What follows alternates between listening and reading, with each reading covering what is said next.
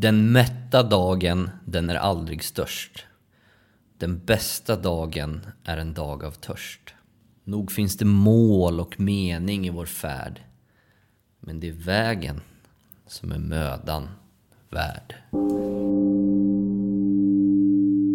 Ja, men Karin Boyes dikt sammanfattar väldigt mycket det Stjärnkällarpodden handlar om och Stjärnkällarpoddens DNA som för mig och Filip sen vi startade den här podden alltid har varit en resa.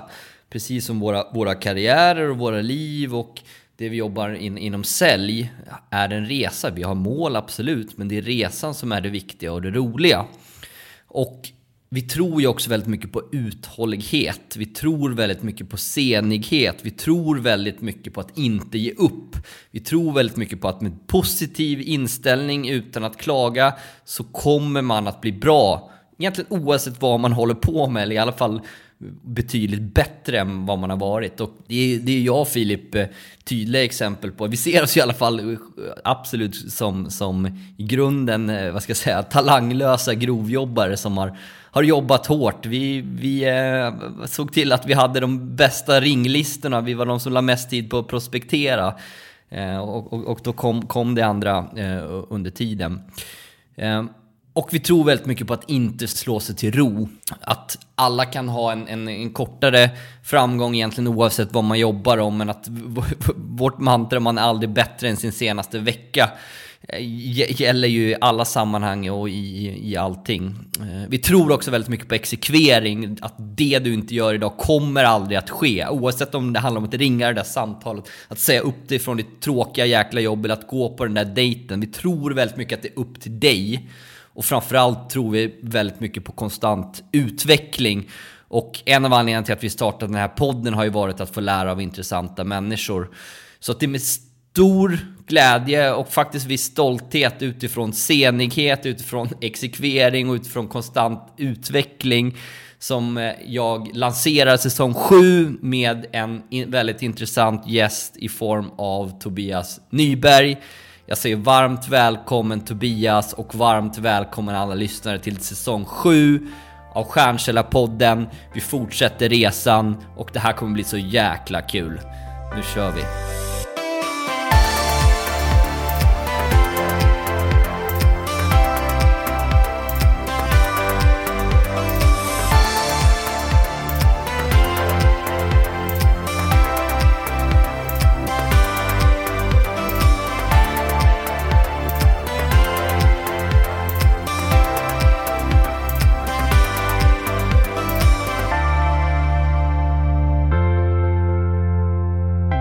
Varmt välkomna till Stjärnkällarpodden med Thomas Wessander och Filip Gossi.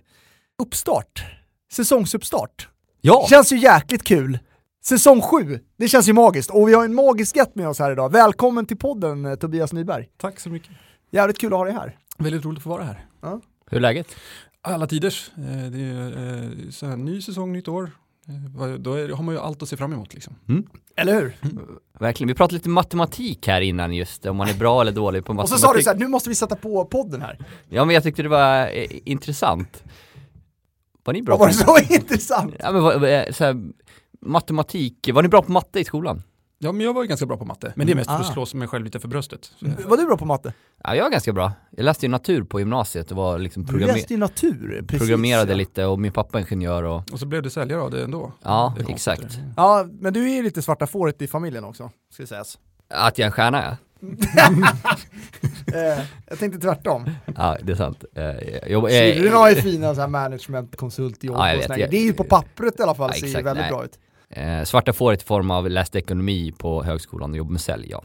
Ja, sagt upp dig och lite så innan man har nytt jobb och sådana grejer. Ja. Men ni var ju mycket mer sportkillar än vad jag har varit. Det måste ju ha varit en, en, eh, liksom en vägdelare någonstans för innan ni bestämde för att ni inte skulle bli proffs på det ni höll på med också, eller? Ja, det, vi, precis. Vi har ju pratat om det eh, lite grann, men eh, det var ju tyvärr ingenting som, eh, i alla fall jag bestämde mig inte riktigt, eller jag förstod att jag inte skulle bli proffs. Eh, och då eh, gav jag upp. Men du, du var ju proffs faktiskt ett år, två. Yes. proffs, om, om proffs innebär att det är någonting man tjänar pengar så tjänar du lite pengar på det. Men... Var det du som hade en coach som kom ner i, i paus och liksom öppnade plånboken lite och så här, mm, den, nej det var det faktiskt inte, det var en annan, nu kommer jag på vem då. Det var eh, chefen då, kom ner i omklädningsrummet så öppnade han plånboken så här, lite på glänt. Eh, och sen så liksom skulle han precis ge fram eh, eh liksom, tusenlappen då. Men så bara, ah, du den där frisparken som du skulle slå där. Bytte han den mot Det var hans sätt att skapa motivation. Det känns lite, motivation, känns lite gammeldags. ja, det kändes Ja. väldigt gammalt. ett annorlunda sätt att jobba med provision kan jag också tycka, där man liksom på det sättet Ja, styr. ja, eh, eh, verkligen. Spännande. Men det är inte det vi ska prata om idag. Låt oss komma in på dagens eh, gäst och eh, huvudämnet. Ja, exakt. Och det vi vill prata med, med, med dig om Tobias, det är ju idag liksom, eh, du pratar mycket om livslångt lärande. det stämmer. Att aldrig stanna upp och, och liksom hela tiden lära sig nya saker och, och eh, hur det kan vara jobbigt för en del människor, vi kommer gå in på det. Och eh, även eh, vill vi prata lite AI, eh, artificiell intelligens, liksom vad du ser framtiden, framtidsutsikter och kanske också skruva ner vad du ser att det kommer leda i, liksom, i försäljning. Som många som, som lyssnar på den här podden är intresserade av. Det är Så- temat för dem, Jätteintressant. hade du tänkt. Det är inte lika intressant som om man var bra på matte eller inte, så nu tar vi det till nästa nivå. exakt, exakt. Var, var börjar vi någonstans? Vi pratar, om vi pratar livslångt lärande. Ja, Varför är det liksom ett passionerat eh, ämne hos dig? Ja, det börjar egentligen med att jag då som, som ingenjör och utvecklare, programmerare, så här, jobbat med teknik i större delen av mitt liv och mycket med då teknologisk automation och nu Mm. de senaste åren då med AI. Jag har inte jobbat så mycket med AI, men det är ett väldigt fascinerande område Mm. och jag som teknikintresserad tycker det är jättekul. Men jag har ju också varit med och byggt system som ersätter människor i sina Mm. jobb. Mm. Mycket så handläggarjobb eller ja, men där, där administrativa arbetsuppgifter som försvinner till stor del. Och då sitter människor och, och är liksom oroliga över vad ska jag göra nu när tekniken har tagit mitt jobb. När robotarna kommer.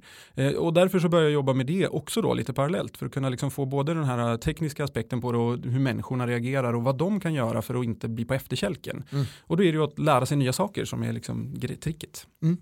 Men, men eh, hur, eh, man har ju pratat ett tag om att robotarna kommer så att säga. Hur, hur långt har vi kommit på den eh, resan? När du liksom, för du är ute på många företag och ser ju hur långt folk har, eller Ja. man har kommit liksom.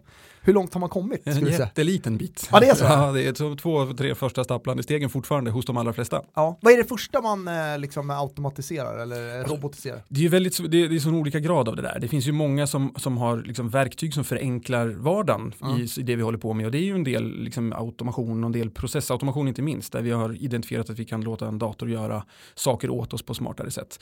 Eh, men nästa steg brukar vara att man liksom köper in en sån här programvara som, som tar hand om handläggningsärenden. Det är Mm. mycket inom eh, ja, men försäkringsärenden till exempel där man kan, kan reglera skador av enklare typ automatiskt. Eller inom bank och finans där man låter dem sköta handel och sånt där. Just det. Så att då, då är det att man, man plockar in de, de första verktygen i det läget. Liksom. Kopplat till sälj och, och marknad som vi berör mycket i den Mm. här podden, ser du några specifika områden där som kommer att beröras? Ja, alltså det, det, det, första som, som jag liksom spontant tänker på det är ju sådana här vanliga callcenter eller där man blir uppringd av en, av en maskin Ja. eh, som alltid lägger på. Eh, men det är ju liksom ett sätt att automatisera säljjobbet där man har liksom en, en robot som ringer upp tio personer samtidigt och sen så får säljaren prata med den första som svarar. Mm. Eh, det är ju ett effektivt sätt att hantera eh, liksom, den typen av enkla arbetsuppgifter som ska skötas inom säljjobben. Ja. Men sen finns det ju massvis med andra eh, så här, alltså som, som på något vis ligger nära sälj. Jag vet ni hade Karl Fager eh, på besök här Mm, för några veckor mm. sedan. Han pratar ju om när man ska sälja fotbollsspelare att nu för tiden så sitter man liksom inte på läktaren och spanar in spelarna för all information om alla spelare finns redan i riktigt snillrika system där du Ja. kan se på alla precis hur många hörner och nickar och straffslag och allt vad de har ägnat sig åt och sådär. Så den typen av verktyg som förenklar jobben är, är kanske inte så mycket robotisering eller liksom teknologisk automation men det är mycket teknik som gör att säljrollen förändras i stor utsträckning. Mm. Och min spaning är att jag tror att det som Facebook har nailat på privatmarknaden, att de vet allt om en om de får väldigt riktade erbjudanden, det kommer vi se mer och mer inom business to business. Ja, eh, Absolut. Och sen om det blir LinkedIn eller hur, hur det blir, men, men att eh, leverantörer kommer ha större möjligheter att rikta sina erbjudanden även inom det området. För att där är ju det är ganska stort glapp däremellan. Privat så får man ju ganska relevanta erbjudanden mot sig. Men får du det på Instagram tycker du? Alltså det är, de missar ju ganska mycket ändå. Nej, Jag tycker att de nailar mig jäkligt bra. Vad säger det om dig? Du, lättläst. Ja, möjligt, men jag, jag gillar ju det. ja, ja. Eller vadå lättläst? Jag, Det, fan vet jag försökte vara lite rolig bara. Men, eh, nej, men alltså vad får du för erbjudande då? nej, men jag får massa... Jag, jag, Säg något. Nu kommer jag inte Det är på bara för att du googlar så konstiga grejer. Ja det kanske är det. Ja, Han, nej, vågar, han vågar inte säga Viagra-reklam. Exakt! nej, men, kan, nej men det är jag menar så här, eh, i um, jobbsammanhang, då får jag väldigt märkliga för, propåer om saker som är väldigt långt utanför mitt behov. Ja. Alltså logistik, eh, erbjudanden och liksom allt möjligt kommer. Ja. Eh, men privat, då nailar de. Alltså det, det, det är mycket så här, jag, gillar, jag håller på att jobba på min golden outfit.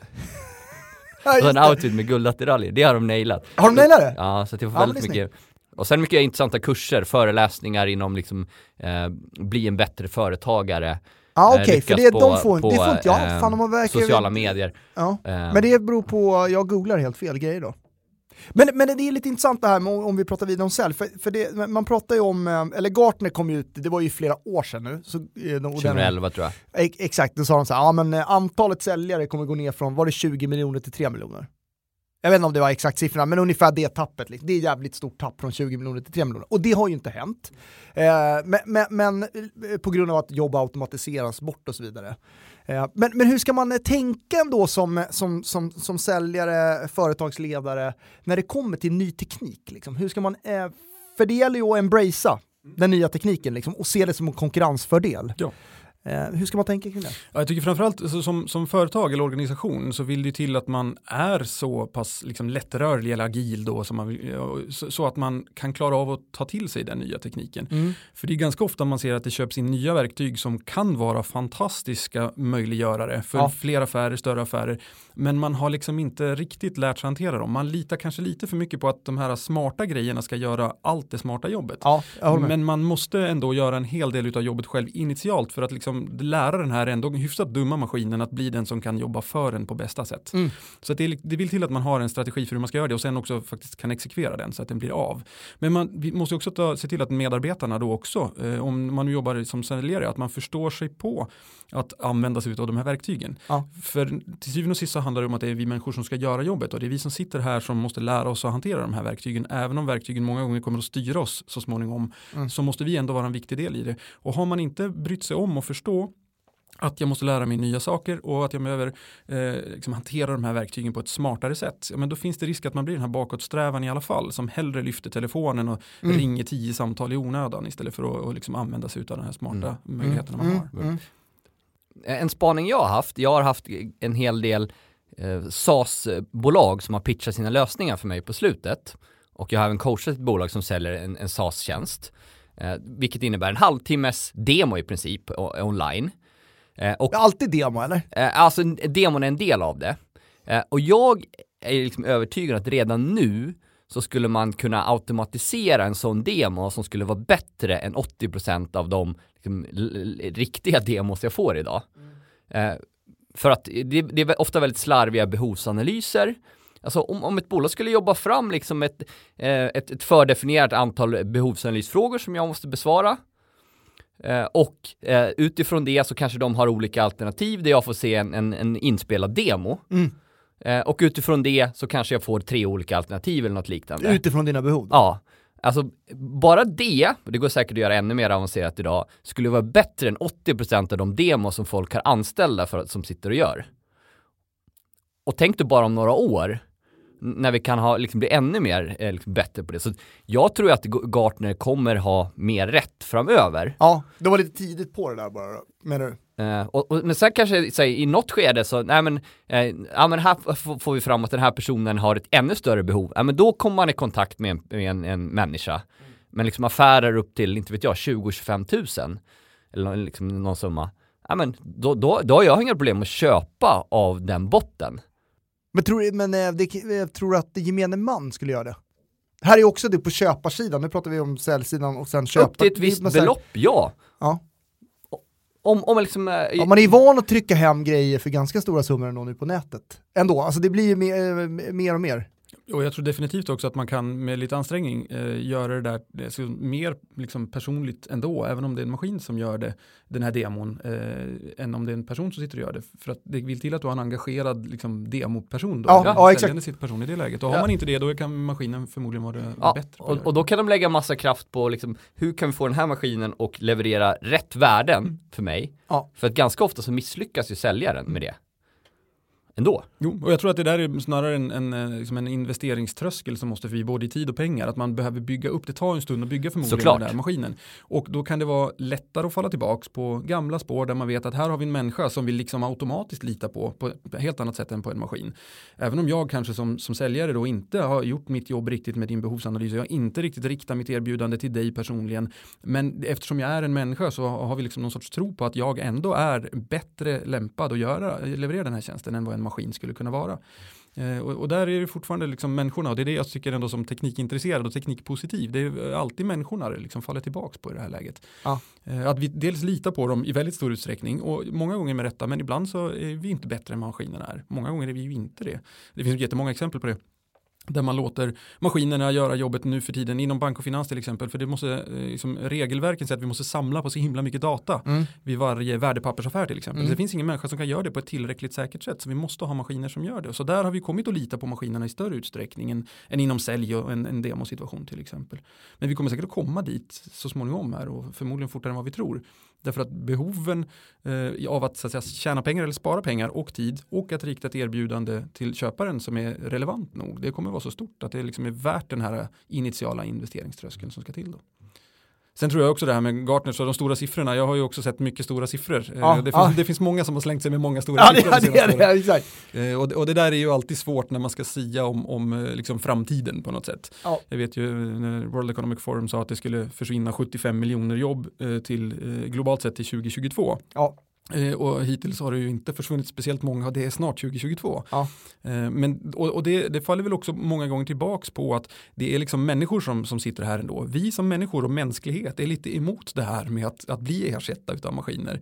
Eh, hade vi varit lite mer framåtriktade och, som, en, som mänsklighet så hade vi haft självkörande bilar för länge sedan. Men å andra sidan, så att det ska försvinna jobb, men det kommer ju tillkomma mycket Ja, jobb det, är- också. det, är- och Hur det, tänker de man kring ännu det? större. Jo men det är ännu större siffra egentligen då. Man brukar prata om 115 miljoner jobb mot de här eh, 75 miljonerna. Så det är liksom ett, ett nettoresultat som är, är positivt för ja, mänskligheten ja, också. Ja. Men oavsett de stora siffrorna så, så, så ser vi ju definitivt att det skapas under i alla fall vår livstid förmodligen fler jobb än vad det försvinner på grund av teknologisk automation och AI. Sådär. Därför att eh, det behövs ju fortfarande människor som dels lär de här maskinerna Ja. eh, och vara så här smarta. Eh, och det handlar inte bara om att vara programmerare, det handlar om att man måste förse dem, om man ska, nu ska träna en, en, en AI så måste vi ge den ett, eh, en, en utbildning och det är människor som måste se till att de utbildningsmöjligheterna finns. Och så att det, det finns så många av det där, eh, liksom, de här tekniska aspekterna eh, som, som kommer att skapa nya jobb. Eh, och det, det pratas ju också om, då, då, igen då, de här stora siffrorna, men att, eh, att, att våra barn, eh, när de går ur skolan så kommer hälften av dem att jobba med saker som inte finns Mm, än. Eh, och och det, det är nog kanske inte heller riktigt sant, för så fort kommer det inte att gå. Men, men det kommer att dyka upp en massa nya jobb som, som inte vi har någon aning om vad de är, för att vi, det är så svårt att se in i den där kristallkulan. Ja. Liksom. Eh, Och det är ju jättespännande, eh, jättekul. Jag och min, min 11-åriga dotter, vi diskuterar ju till exempel här förleden om det här med att ta körkort och köra bil. Ja.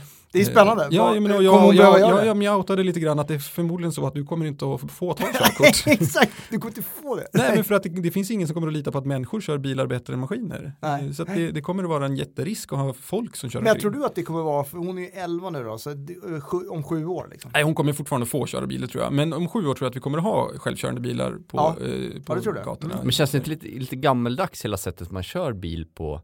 Alltså med koppling och, Fast det är inte så många som kör koppling längre tror jag i och för sig. eller liksom, nej det är sant. Jäklar vad jag fick kämpa med vår gamla liksom, eh, eh, 245 på uppkörningen. Så beige, gammal, rostig.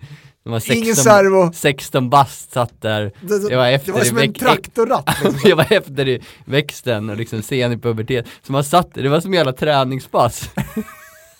Ganska tung växel så här, på i växlarna. Ja men det var jättetungt att få i dem och så liksom Backa Thomas! Jag är uppvuxen på gård. Vi, jag, jag har ju alltid kört traktor sedan jag var typ nio. Så att, eh, då har man ju fått jag, kan, jag, jag känner det framf, framför mig hur, hur trög den ratten är. Men liksom så sladdtelefonsamhället.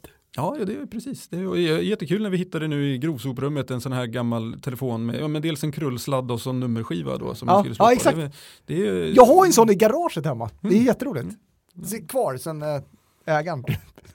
ja, men, men om man nu eh, känner så här, fan, ja men eh, det gäller att hänga på. För det är det det handlar om. Försäljning, alltså det är så här, vill man ligga i framkant, det gäller det att hänga på. Det, det finns det ganska många vägar att gå, så det gäller att välja rätt väg. Men hur blir man en lärande organisation?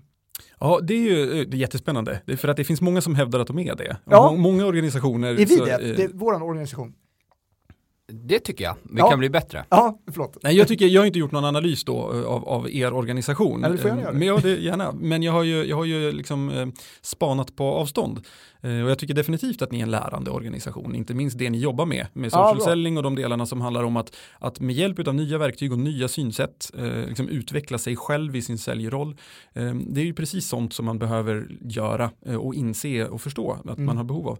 Eh, och ni har ju dessutom dragit ett steg längre då och se till att ni lär andra utanför er organisation också. Mm. Eh, Och det är ju det är ett jäkla smart sätt att, att hålla sig själv i framkant förstås, eh, att lära andra. Mm. Ett, ett väldigt smart sätt när man vill lära sig själv nya saker också, det är ju att lära andra eh, de sakerna, för då blir man tvungen att lära sig själv lite mer än vad, vad man Mm. annars skulle ha gjort. För man ser ofta organisationer att ja, men alla har en utbildningsbudget på den summan och då har man sagt att vi har en lärande organisation. Mm. Exakt. Det, och det finns så, man, det, inte sällan har man förutom en utbildningsbudget som man eh, liksom förhåller sig till och den kanske också är fördelad på antalet anställda så att man har en liten peng per person och sådär. Och så har man ofta en strategi kring att jo, men vi ska lära oss nya saker inom det här området och så kanske man till och med har ett snitsigt verktyg, någon liten portal där de anställda kan gå in och, och, och se vilka kurser som finns eller vilka man skulle kunna gå. Men därifrån så brukar det ofta vara kopplingslöst ner mot individen där man, där man kan försöka få hjälp med men hur ska min, min personliga liksom, utvecklingsresa inom det här se ut?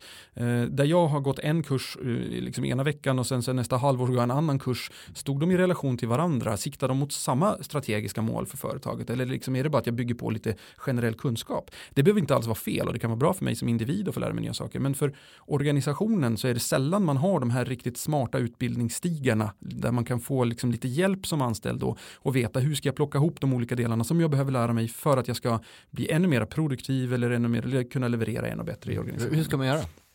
Ja, men det handlar ju om att man, man behöver titta på, man måste göra jobbet. Det är så lätt gjort att bara köpa det här verktyget igen där man kan stoppa in lite prylar i, i den här Mm. portalen. Och så blir det liksom... Ja men då så tycker man att man är klar. Ja. Eh, Men jag har ju, ett av de mest intressanta uppdragen jag haft det var ju när vi liksom satt oss och vi tittade på onboardingprocessen som ju de man skröt om i den här organisationen att man var så duktig på. Det var man väldigt duktig på. Hur man tog in folk och liksom eh, introducerade dem till, till företagskulturen och med alla de här sakerna med nyckelkort och arbetsplats och dator och allt sånt där. Det funkade superbra och alla behörigheter it-systemen och, och, och man fick träffa folk och kunder och människor och anställda och sådär.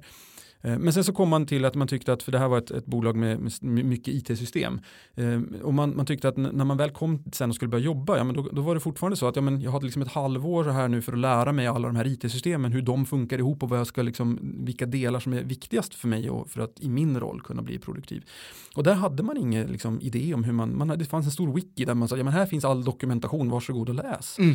Men det vi gjorde var att vi satt oss och så tittade vi på no- några typroller och så vad man behöver kunna i dem för de typrollerna och så drog vi liksom det här strecket mellan de olika komponenterna i de it-system som fanns och så kom vi fram till att ja, men det är de här tio delarna som det är viktigt för dig att lära dig för att du ska kunna bli produktiv, så produktiv som möjligt i din nya roll. Ja. Strunta i de andra initialt, de kommer att komma sen, men hitta stigen för att liksom ta dig fram till att bli lite liksom up and running i det du håller på med. Ja. Och det krävs ju en hel del jobb då för att kunna rita ihop det där. Ja. Där det inte liksom, oftast inte satsas på det utan man tycker att nu har vi stoppat in all data här all, liksom, i vårt it-system eller för det här. Men det har inte blivit någon kunskap av den. Liksom. Så det, men det, ja, det tar tid och är lite jobbigt och besvärligt. Men jag tror att man behöver göra det om man ska kunna vara framgångsrik. Och de, de företag jag har jobbat med som är framgångsrika, de har gjort de där delarna som, som krävs. Det känns jättekul att fortsätta samarbetet med Qualifier och Qualifier är ju en AI-robot som hjälper oss att prospektera och boka möten. I korthet så fungerar det som så att vi ställer in med olika kriterier vilka personer vi skulle vilja träffa. Eh, Qualifier söker sedan upp kontaktuppgifter av de här personerna då via öppen data och jag får upp dem på en lista och sen utifrån mina fördefinierade mail så kontaktas då de här personerna. Och eh, vi har ju använt det här under en längre tid och det har vi såklart gjort för att det fungerar. Så att jag rekommenderar dig att gå in på qualifier.ai. Eh, utöver det så söker ju Qualifier också nya säljare. Eh, de har ett skönt team på Vasagatan, så både för verktyget och om ni är sugen på en ny säljtjänst med ett intressant verktyg rekommenderar vi qualifier.ai. Lycka till! Nu när man har jobbat ett tag i karriären som, som vi alla har gjort, liksom, hur vet man vad man behöver lära sig?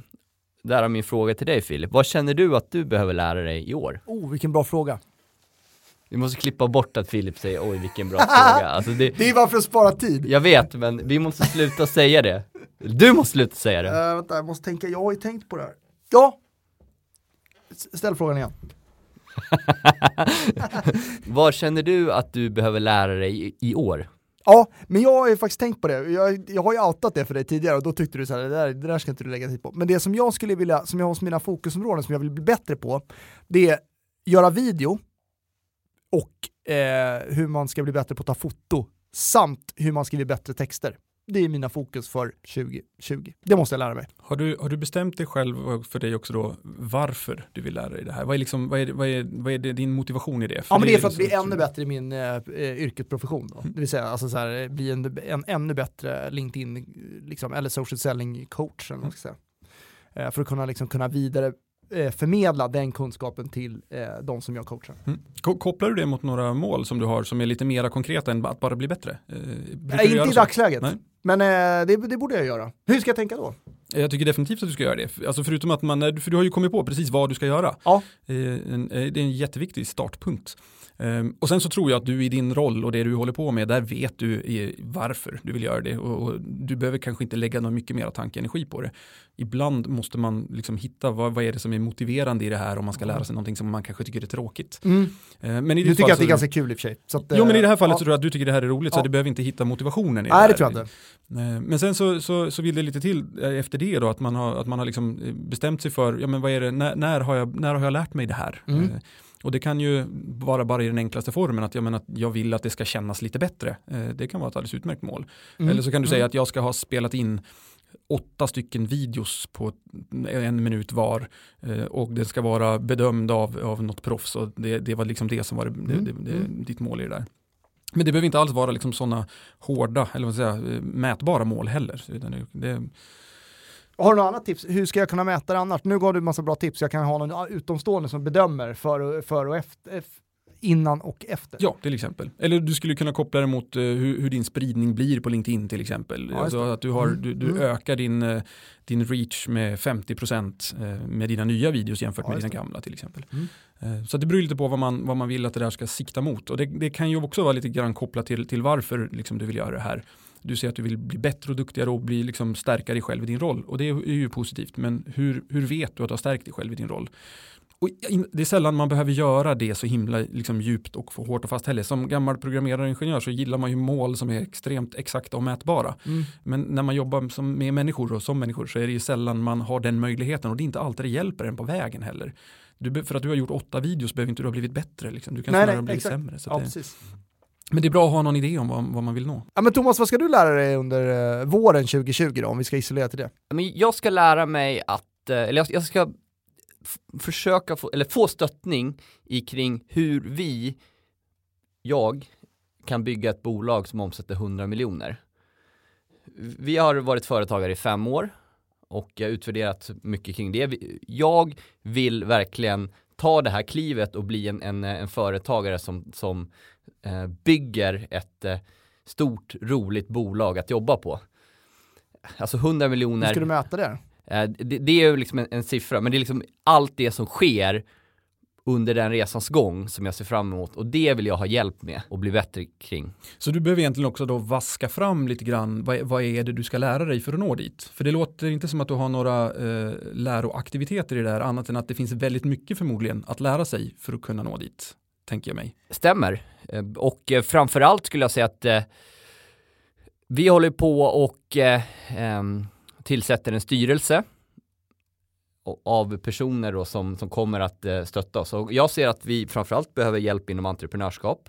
Folk som utmanar oss, som, som håller oss ansvariga, eh, som hjälper oss kring vårt varumärkesbyggande, som blir bättre kring att eh, ehm, hur ska vi jobba kring vår affärsmodell, kring automatisering och såklart alltså HR-frågor, hur kan vi bygga en kultur som, som eh, är ska du ta, det lät mycket att ta under våren 2020 här. Har du något, vad, vad, ska du, vad ska du ta Nej, först? men, och dessutom så var det alltså alla bra saker. Men jag, jag hörde ingenting av det där som du beskrev att det här är det jag ska lära mig. Att sätta en, en tydlig strategi och affärsplan i hur vi kan nå de här 100 miljonerna.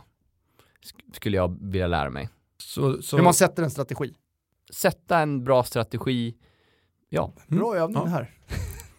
ja men det, är- jag, jag sa Ja. det för att jag ville ha hjälp. Ja, superbra. Eh, för att vi, är- vi har kört på fem år, nu är det liksom dags att ta nästa kliv och satsa all in. I, I det du beskriver så finns det ju en, en herrans massa bra mål som vi skulle kunna utgå ifrån sen när vi gör eh, eh, övningen med att hitta eh, din läroplan för 2020. Eh, men som vi måste liksom bryta ner i lite granna vad det är du ska lära dig. För att du har jättebra mål i det här, du har en jättebra svar på varför du ska göra det här, men du har ännu inte riktigt beskrivit vad det är du ska göra för Nej. att du ska kunna lära dig någonting av det här. Vad, vad skulle det kunna vara? Ja men eh, en sak, det är svårt då för att jag har inte insikt rakt in i ditt huvud. Men, men utifrån ett strategiperspektiv till exempel. Du vill lära dig ja, men att skriva en bra strategi för att kunna nå de här målen med, med den här omsättningen, omsättningsmålet som du har och den globala expansionen. Eh, du vill också kunna eh, lära dig eh, styrelsearbete på ett annat sätt än vad du kanske Ja. kan idag. Utifrån perspektivet storbolag, eh, globalt bolag. Korrekt, Vad- vad jag skulle vilja lära mig styrelsearbete. Eh, Och, och då- det i sig då kan man ju säkert förmodligen bör man ju bryta ner i, lite mera konkreta saker då också utifrån vad är det man behöver kunna då om man ska sitta i en styrelse som, som ska ta, eh, växa ett bolag på det här sättet. Mm. Eh, och där är, har jag liksom inga konkreta, eh, jag kan hjälpa dig med metodiken när vi sätter oss ner och fyller det här med, Ja. med innehåll sen. Men, eh, därför att det, det, där finns ju så mycket olika saker liksom, som, eh, som man skulle kunna stoppa in. Mm. Men att vi bryter ner de här ganska stora målen till lite mindre hanterbara mål som vi sen gör aktiviteter utav eh, som vi liksom kan se matcha de här målen så att du också lär dig rätt saker. Men jag, jag tror just det här, så att få hjälp, eller lära mig att sätta en, en styrelse, aktiv styrelse som stöttar vår business. Mm. För det har vi inte då, vi har en styrelse eh, och vi har haft enstaka mentorer som har hjälpt oss. Men en styrelse slash advisory board eller vad man kallar det, det vill jag lära mig.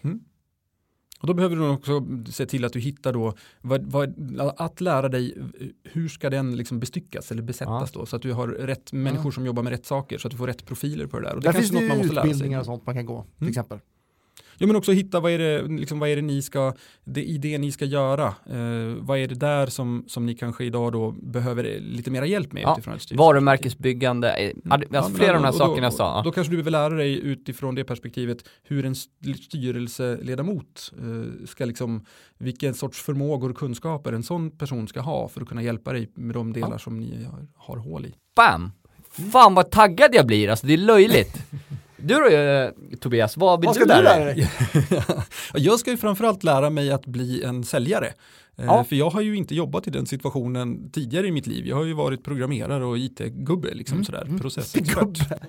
Om du bryter ner det då, vad är det specifikt du behöver lära dig? Ja, dels så har jag ju då eh, det som ni håller på med med social selling-biten. Det är Mm. ju en viktig del för mig att för att kunna liksom bygga ett stort relevant nätverk och bli känd för rätt sak. Ja. He- Hela eran lök och nycklar och sådär. Ja. Eh, och det är, har ju varit mi- mina första stora lärosteg liksom, för att komma närmare det här. Mm. Sen handlar det mycket om hur man liksom, som du sa, liksom avslutsförhandling, hur stänger man en affär, hur ser man Mm. till att man bokar möten som, alltså där man får så, så bra eh, resultat som möjligt utav dem. Hur Mm. håller man ett säljmöte när man träffar kunder, hur prospekterar man? Det finns massvis med saker som, som för er är så himla självklart, för ni har jobbat med sälj så länge Mm. och jag har, har gjort det i tre månader. Liksom. Det. Så att jag, jag, jag har ju hur mycket som helst att lära där och svårigheten för mig är snarare att beta ner i, som jag sa, de här, liksom, vilka steg ska jag ta i vilken ordning? Ja, Därför att det är så himla, det känns så, ibland så övermäktigt. Jag behöver lära, jag skulle ja jag gå liksom Men har du skrivit då. ner det då? Ja, ja det Du gör lever jag. som du lär. Ja, Filip, absolut. det här får ju, vi utbildar ju sånt här. Du har ju fått behovsanalysen här, du får pitcha Tobias Nej, nu. men han är, vi, vi, är ju, vi jobbar ju redan ihop.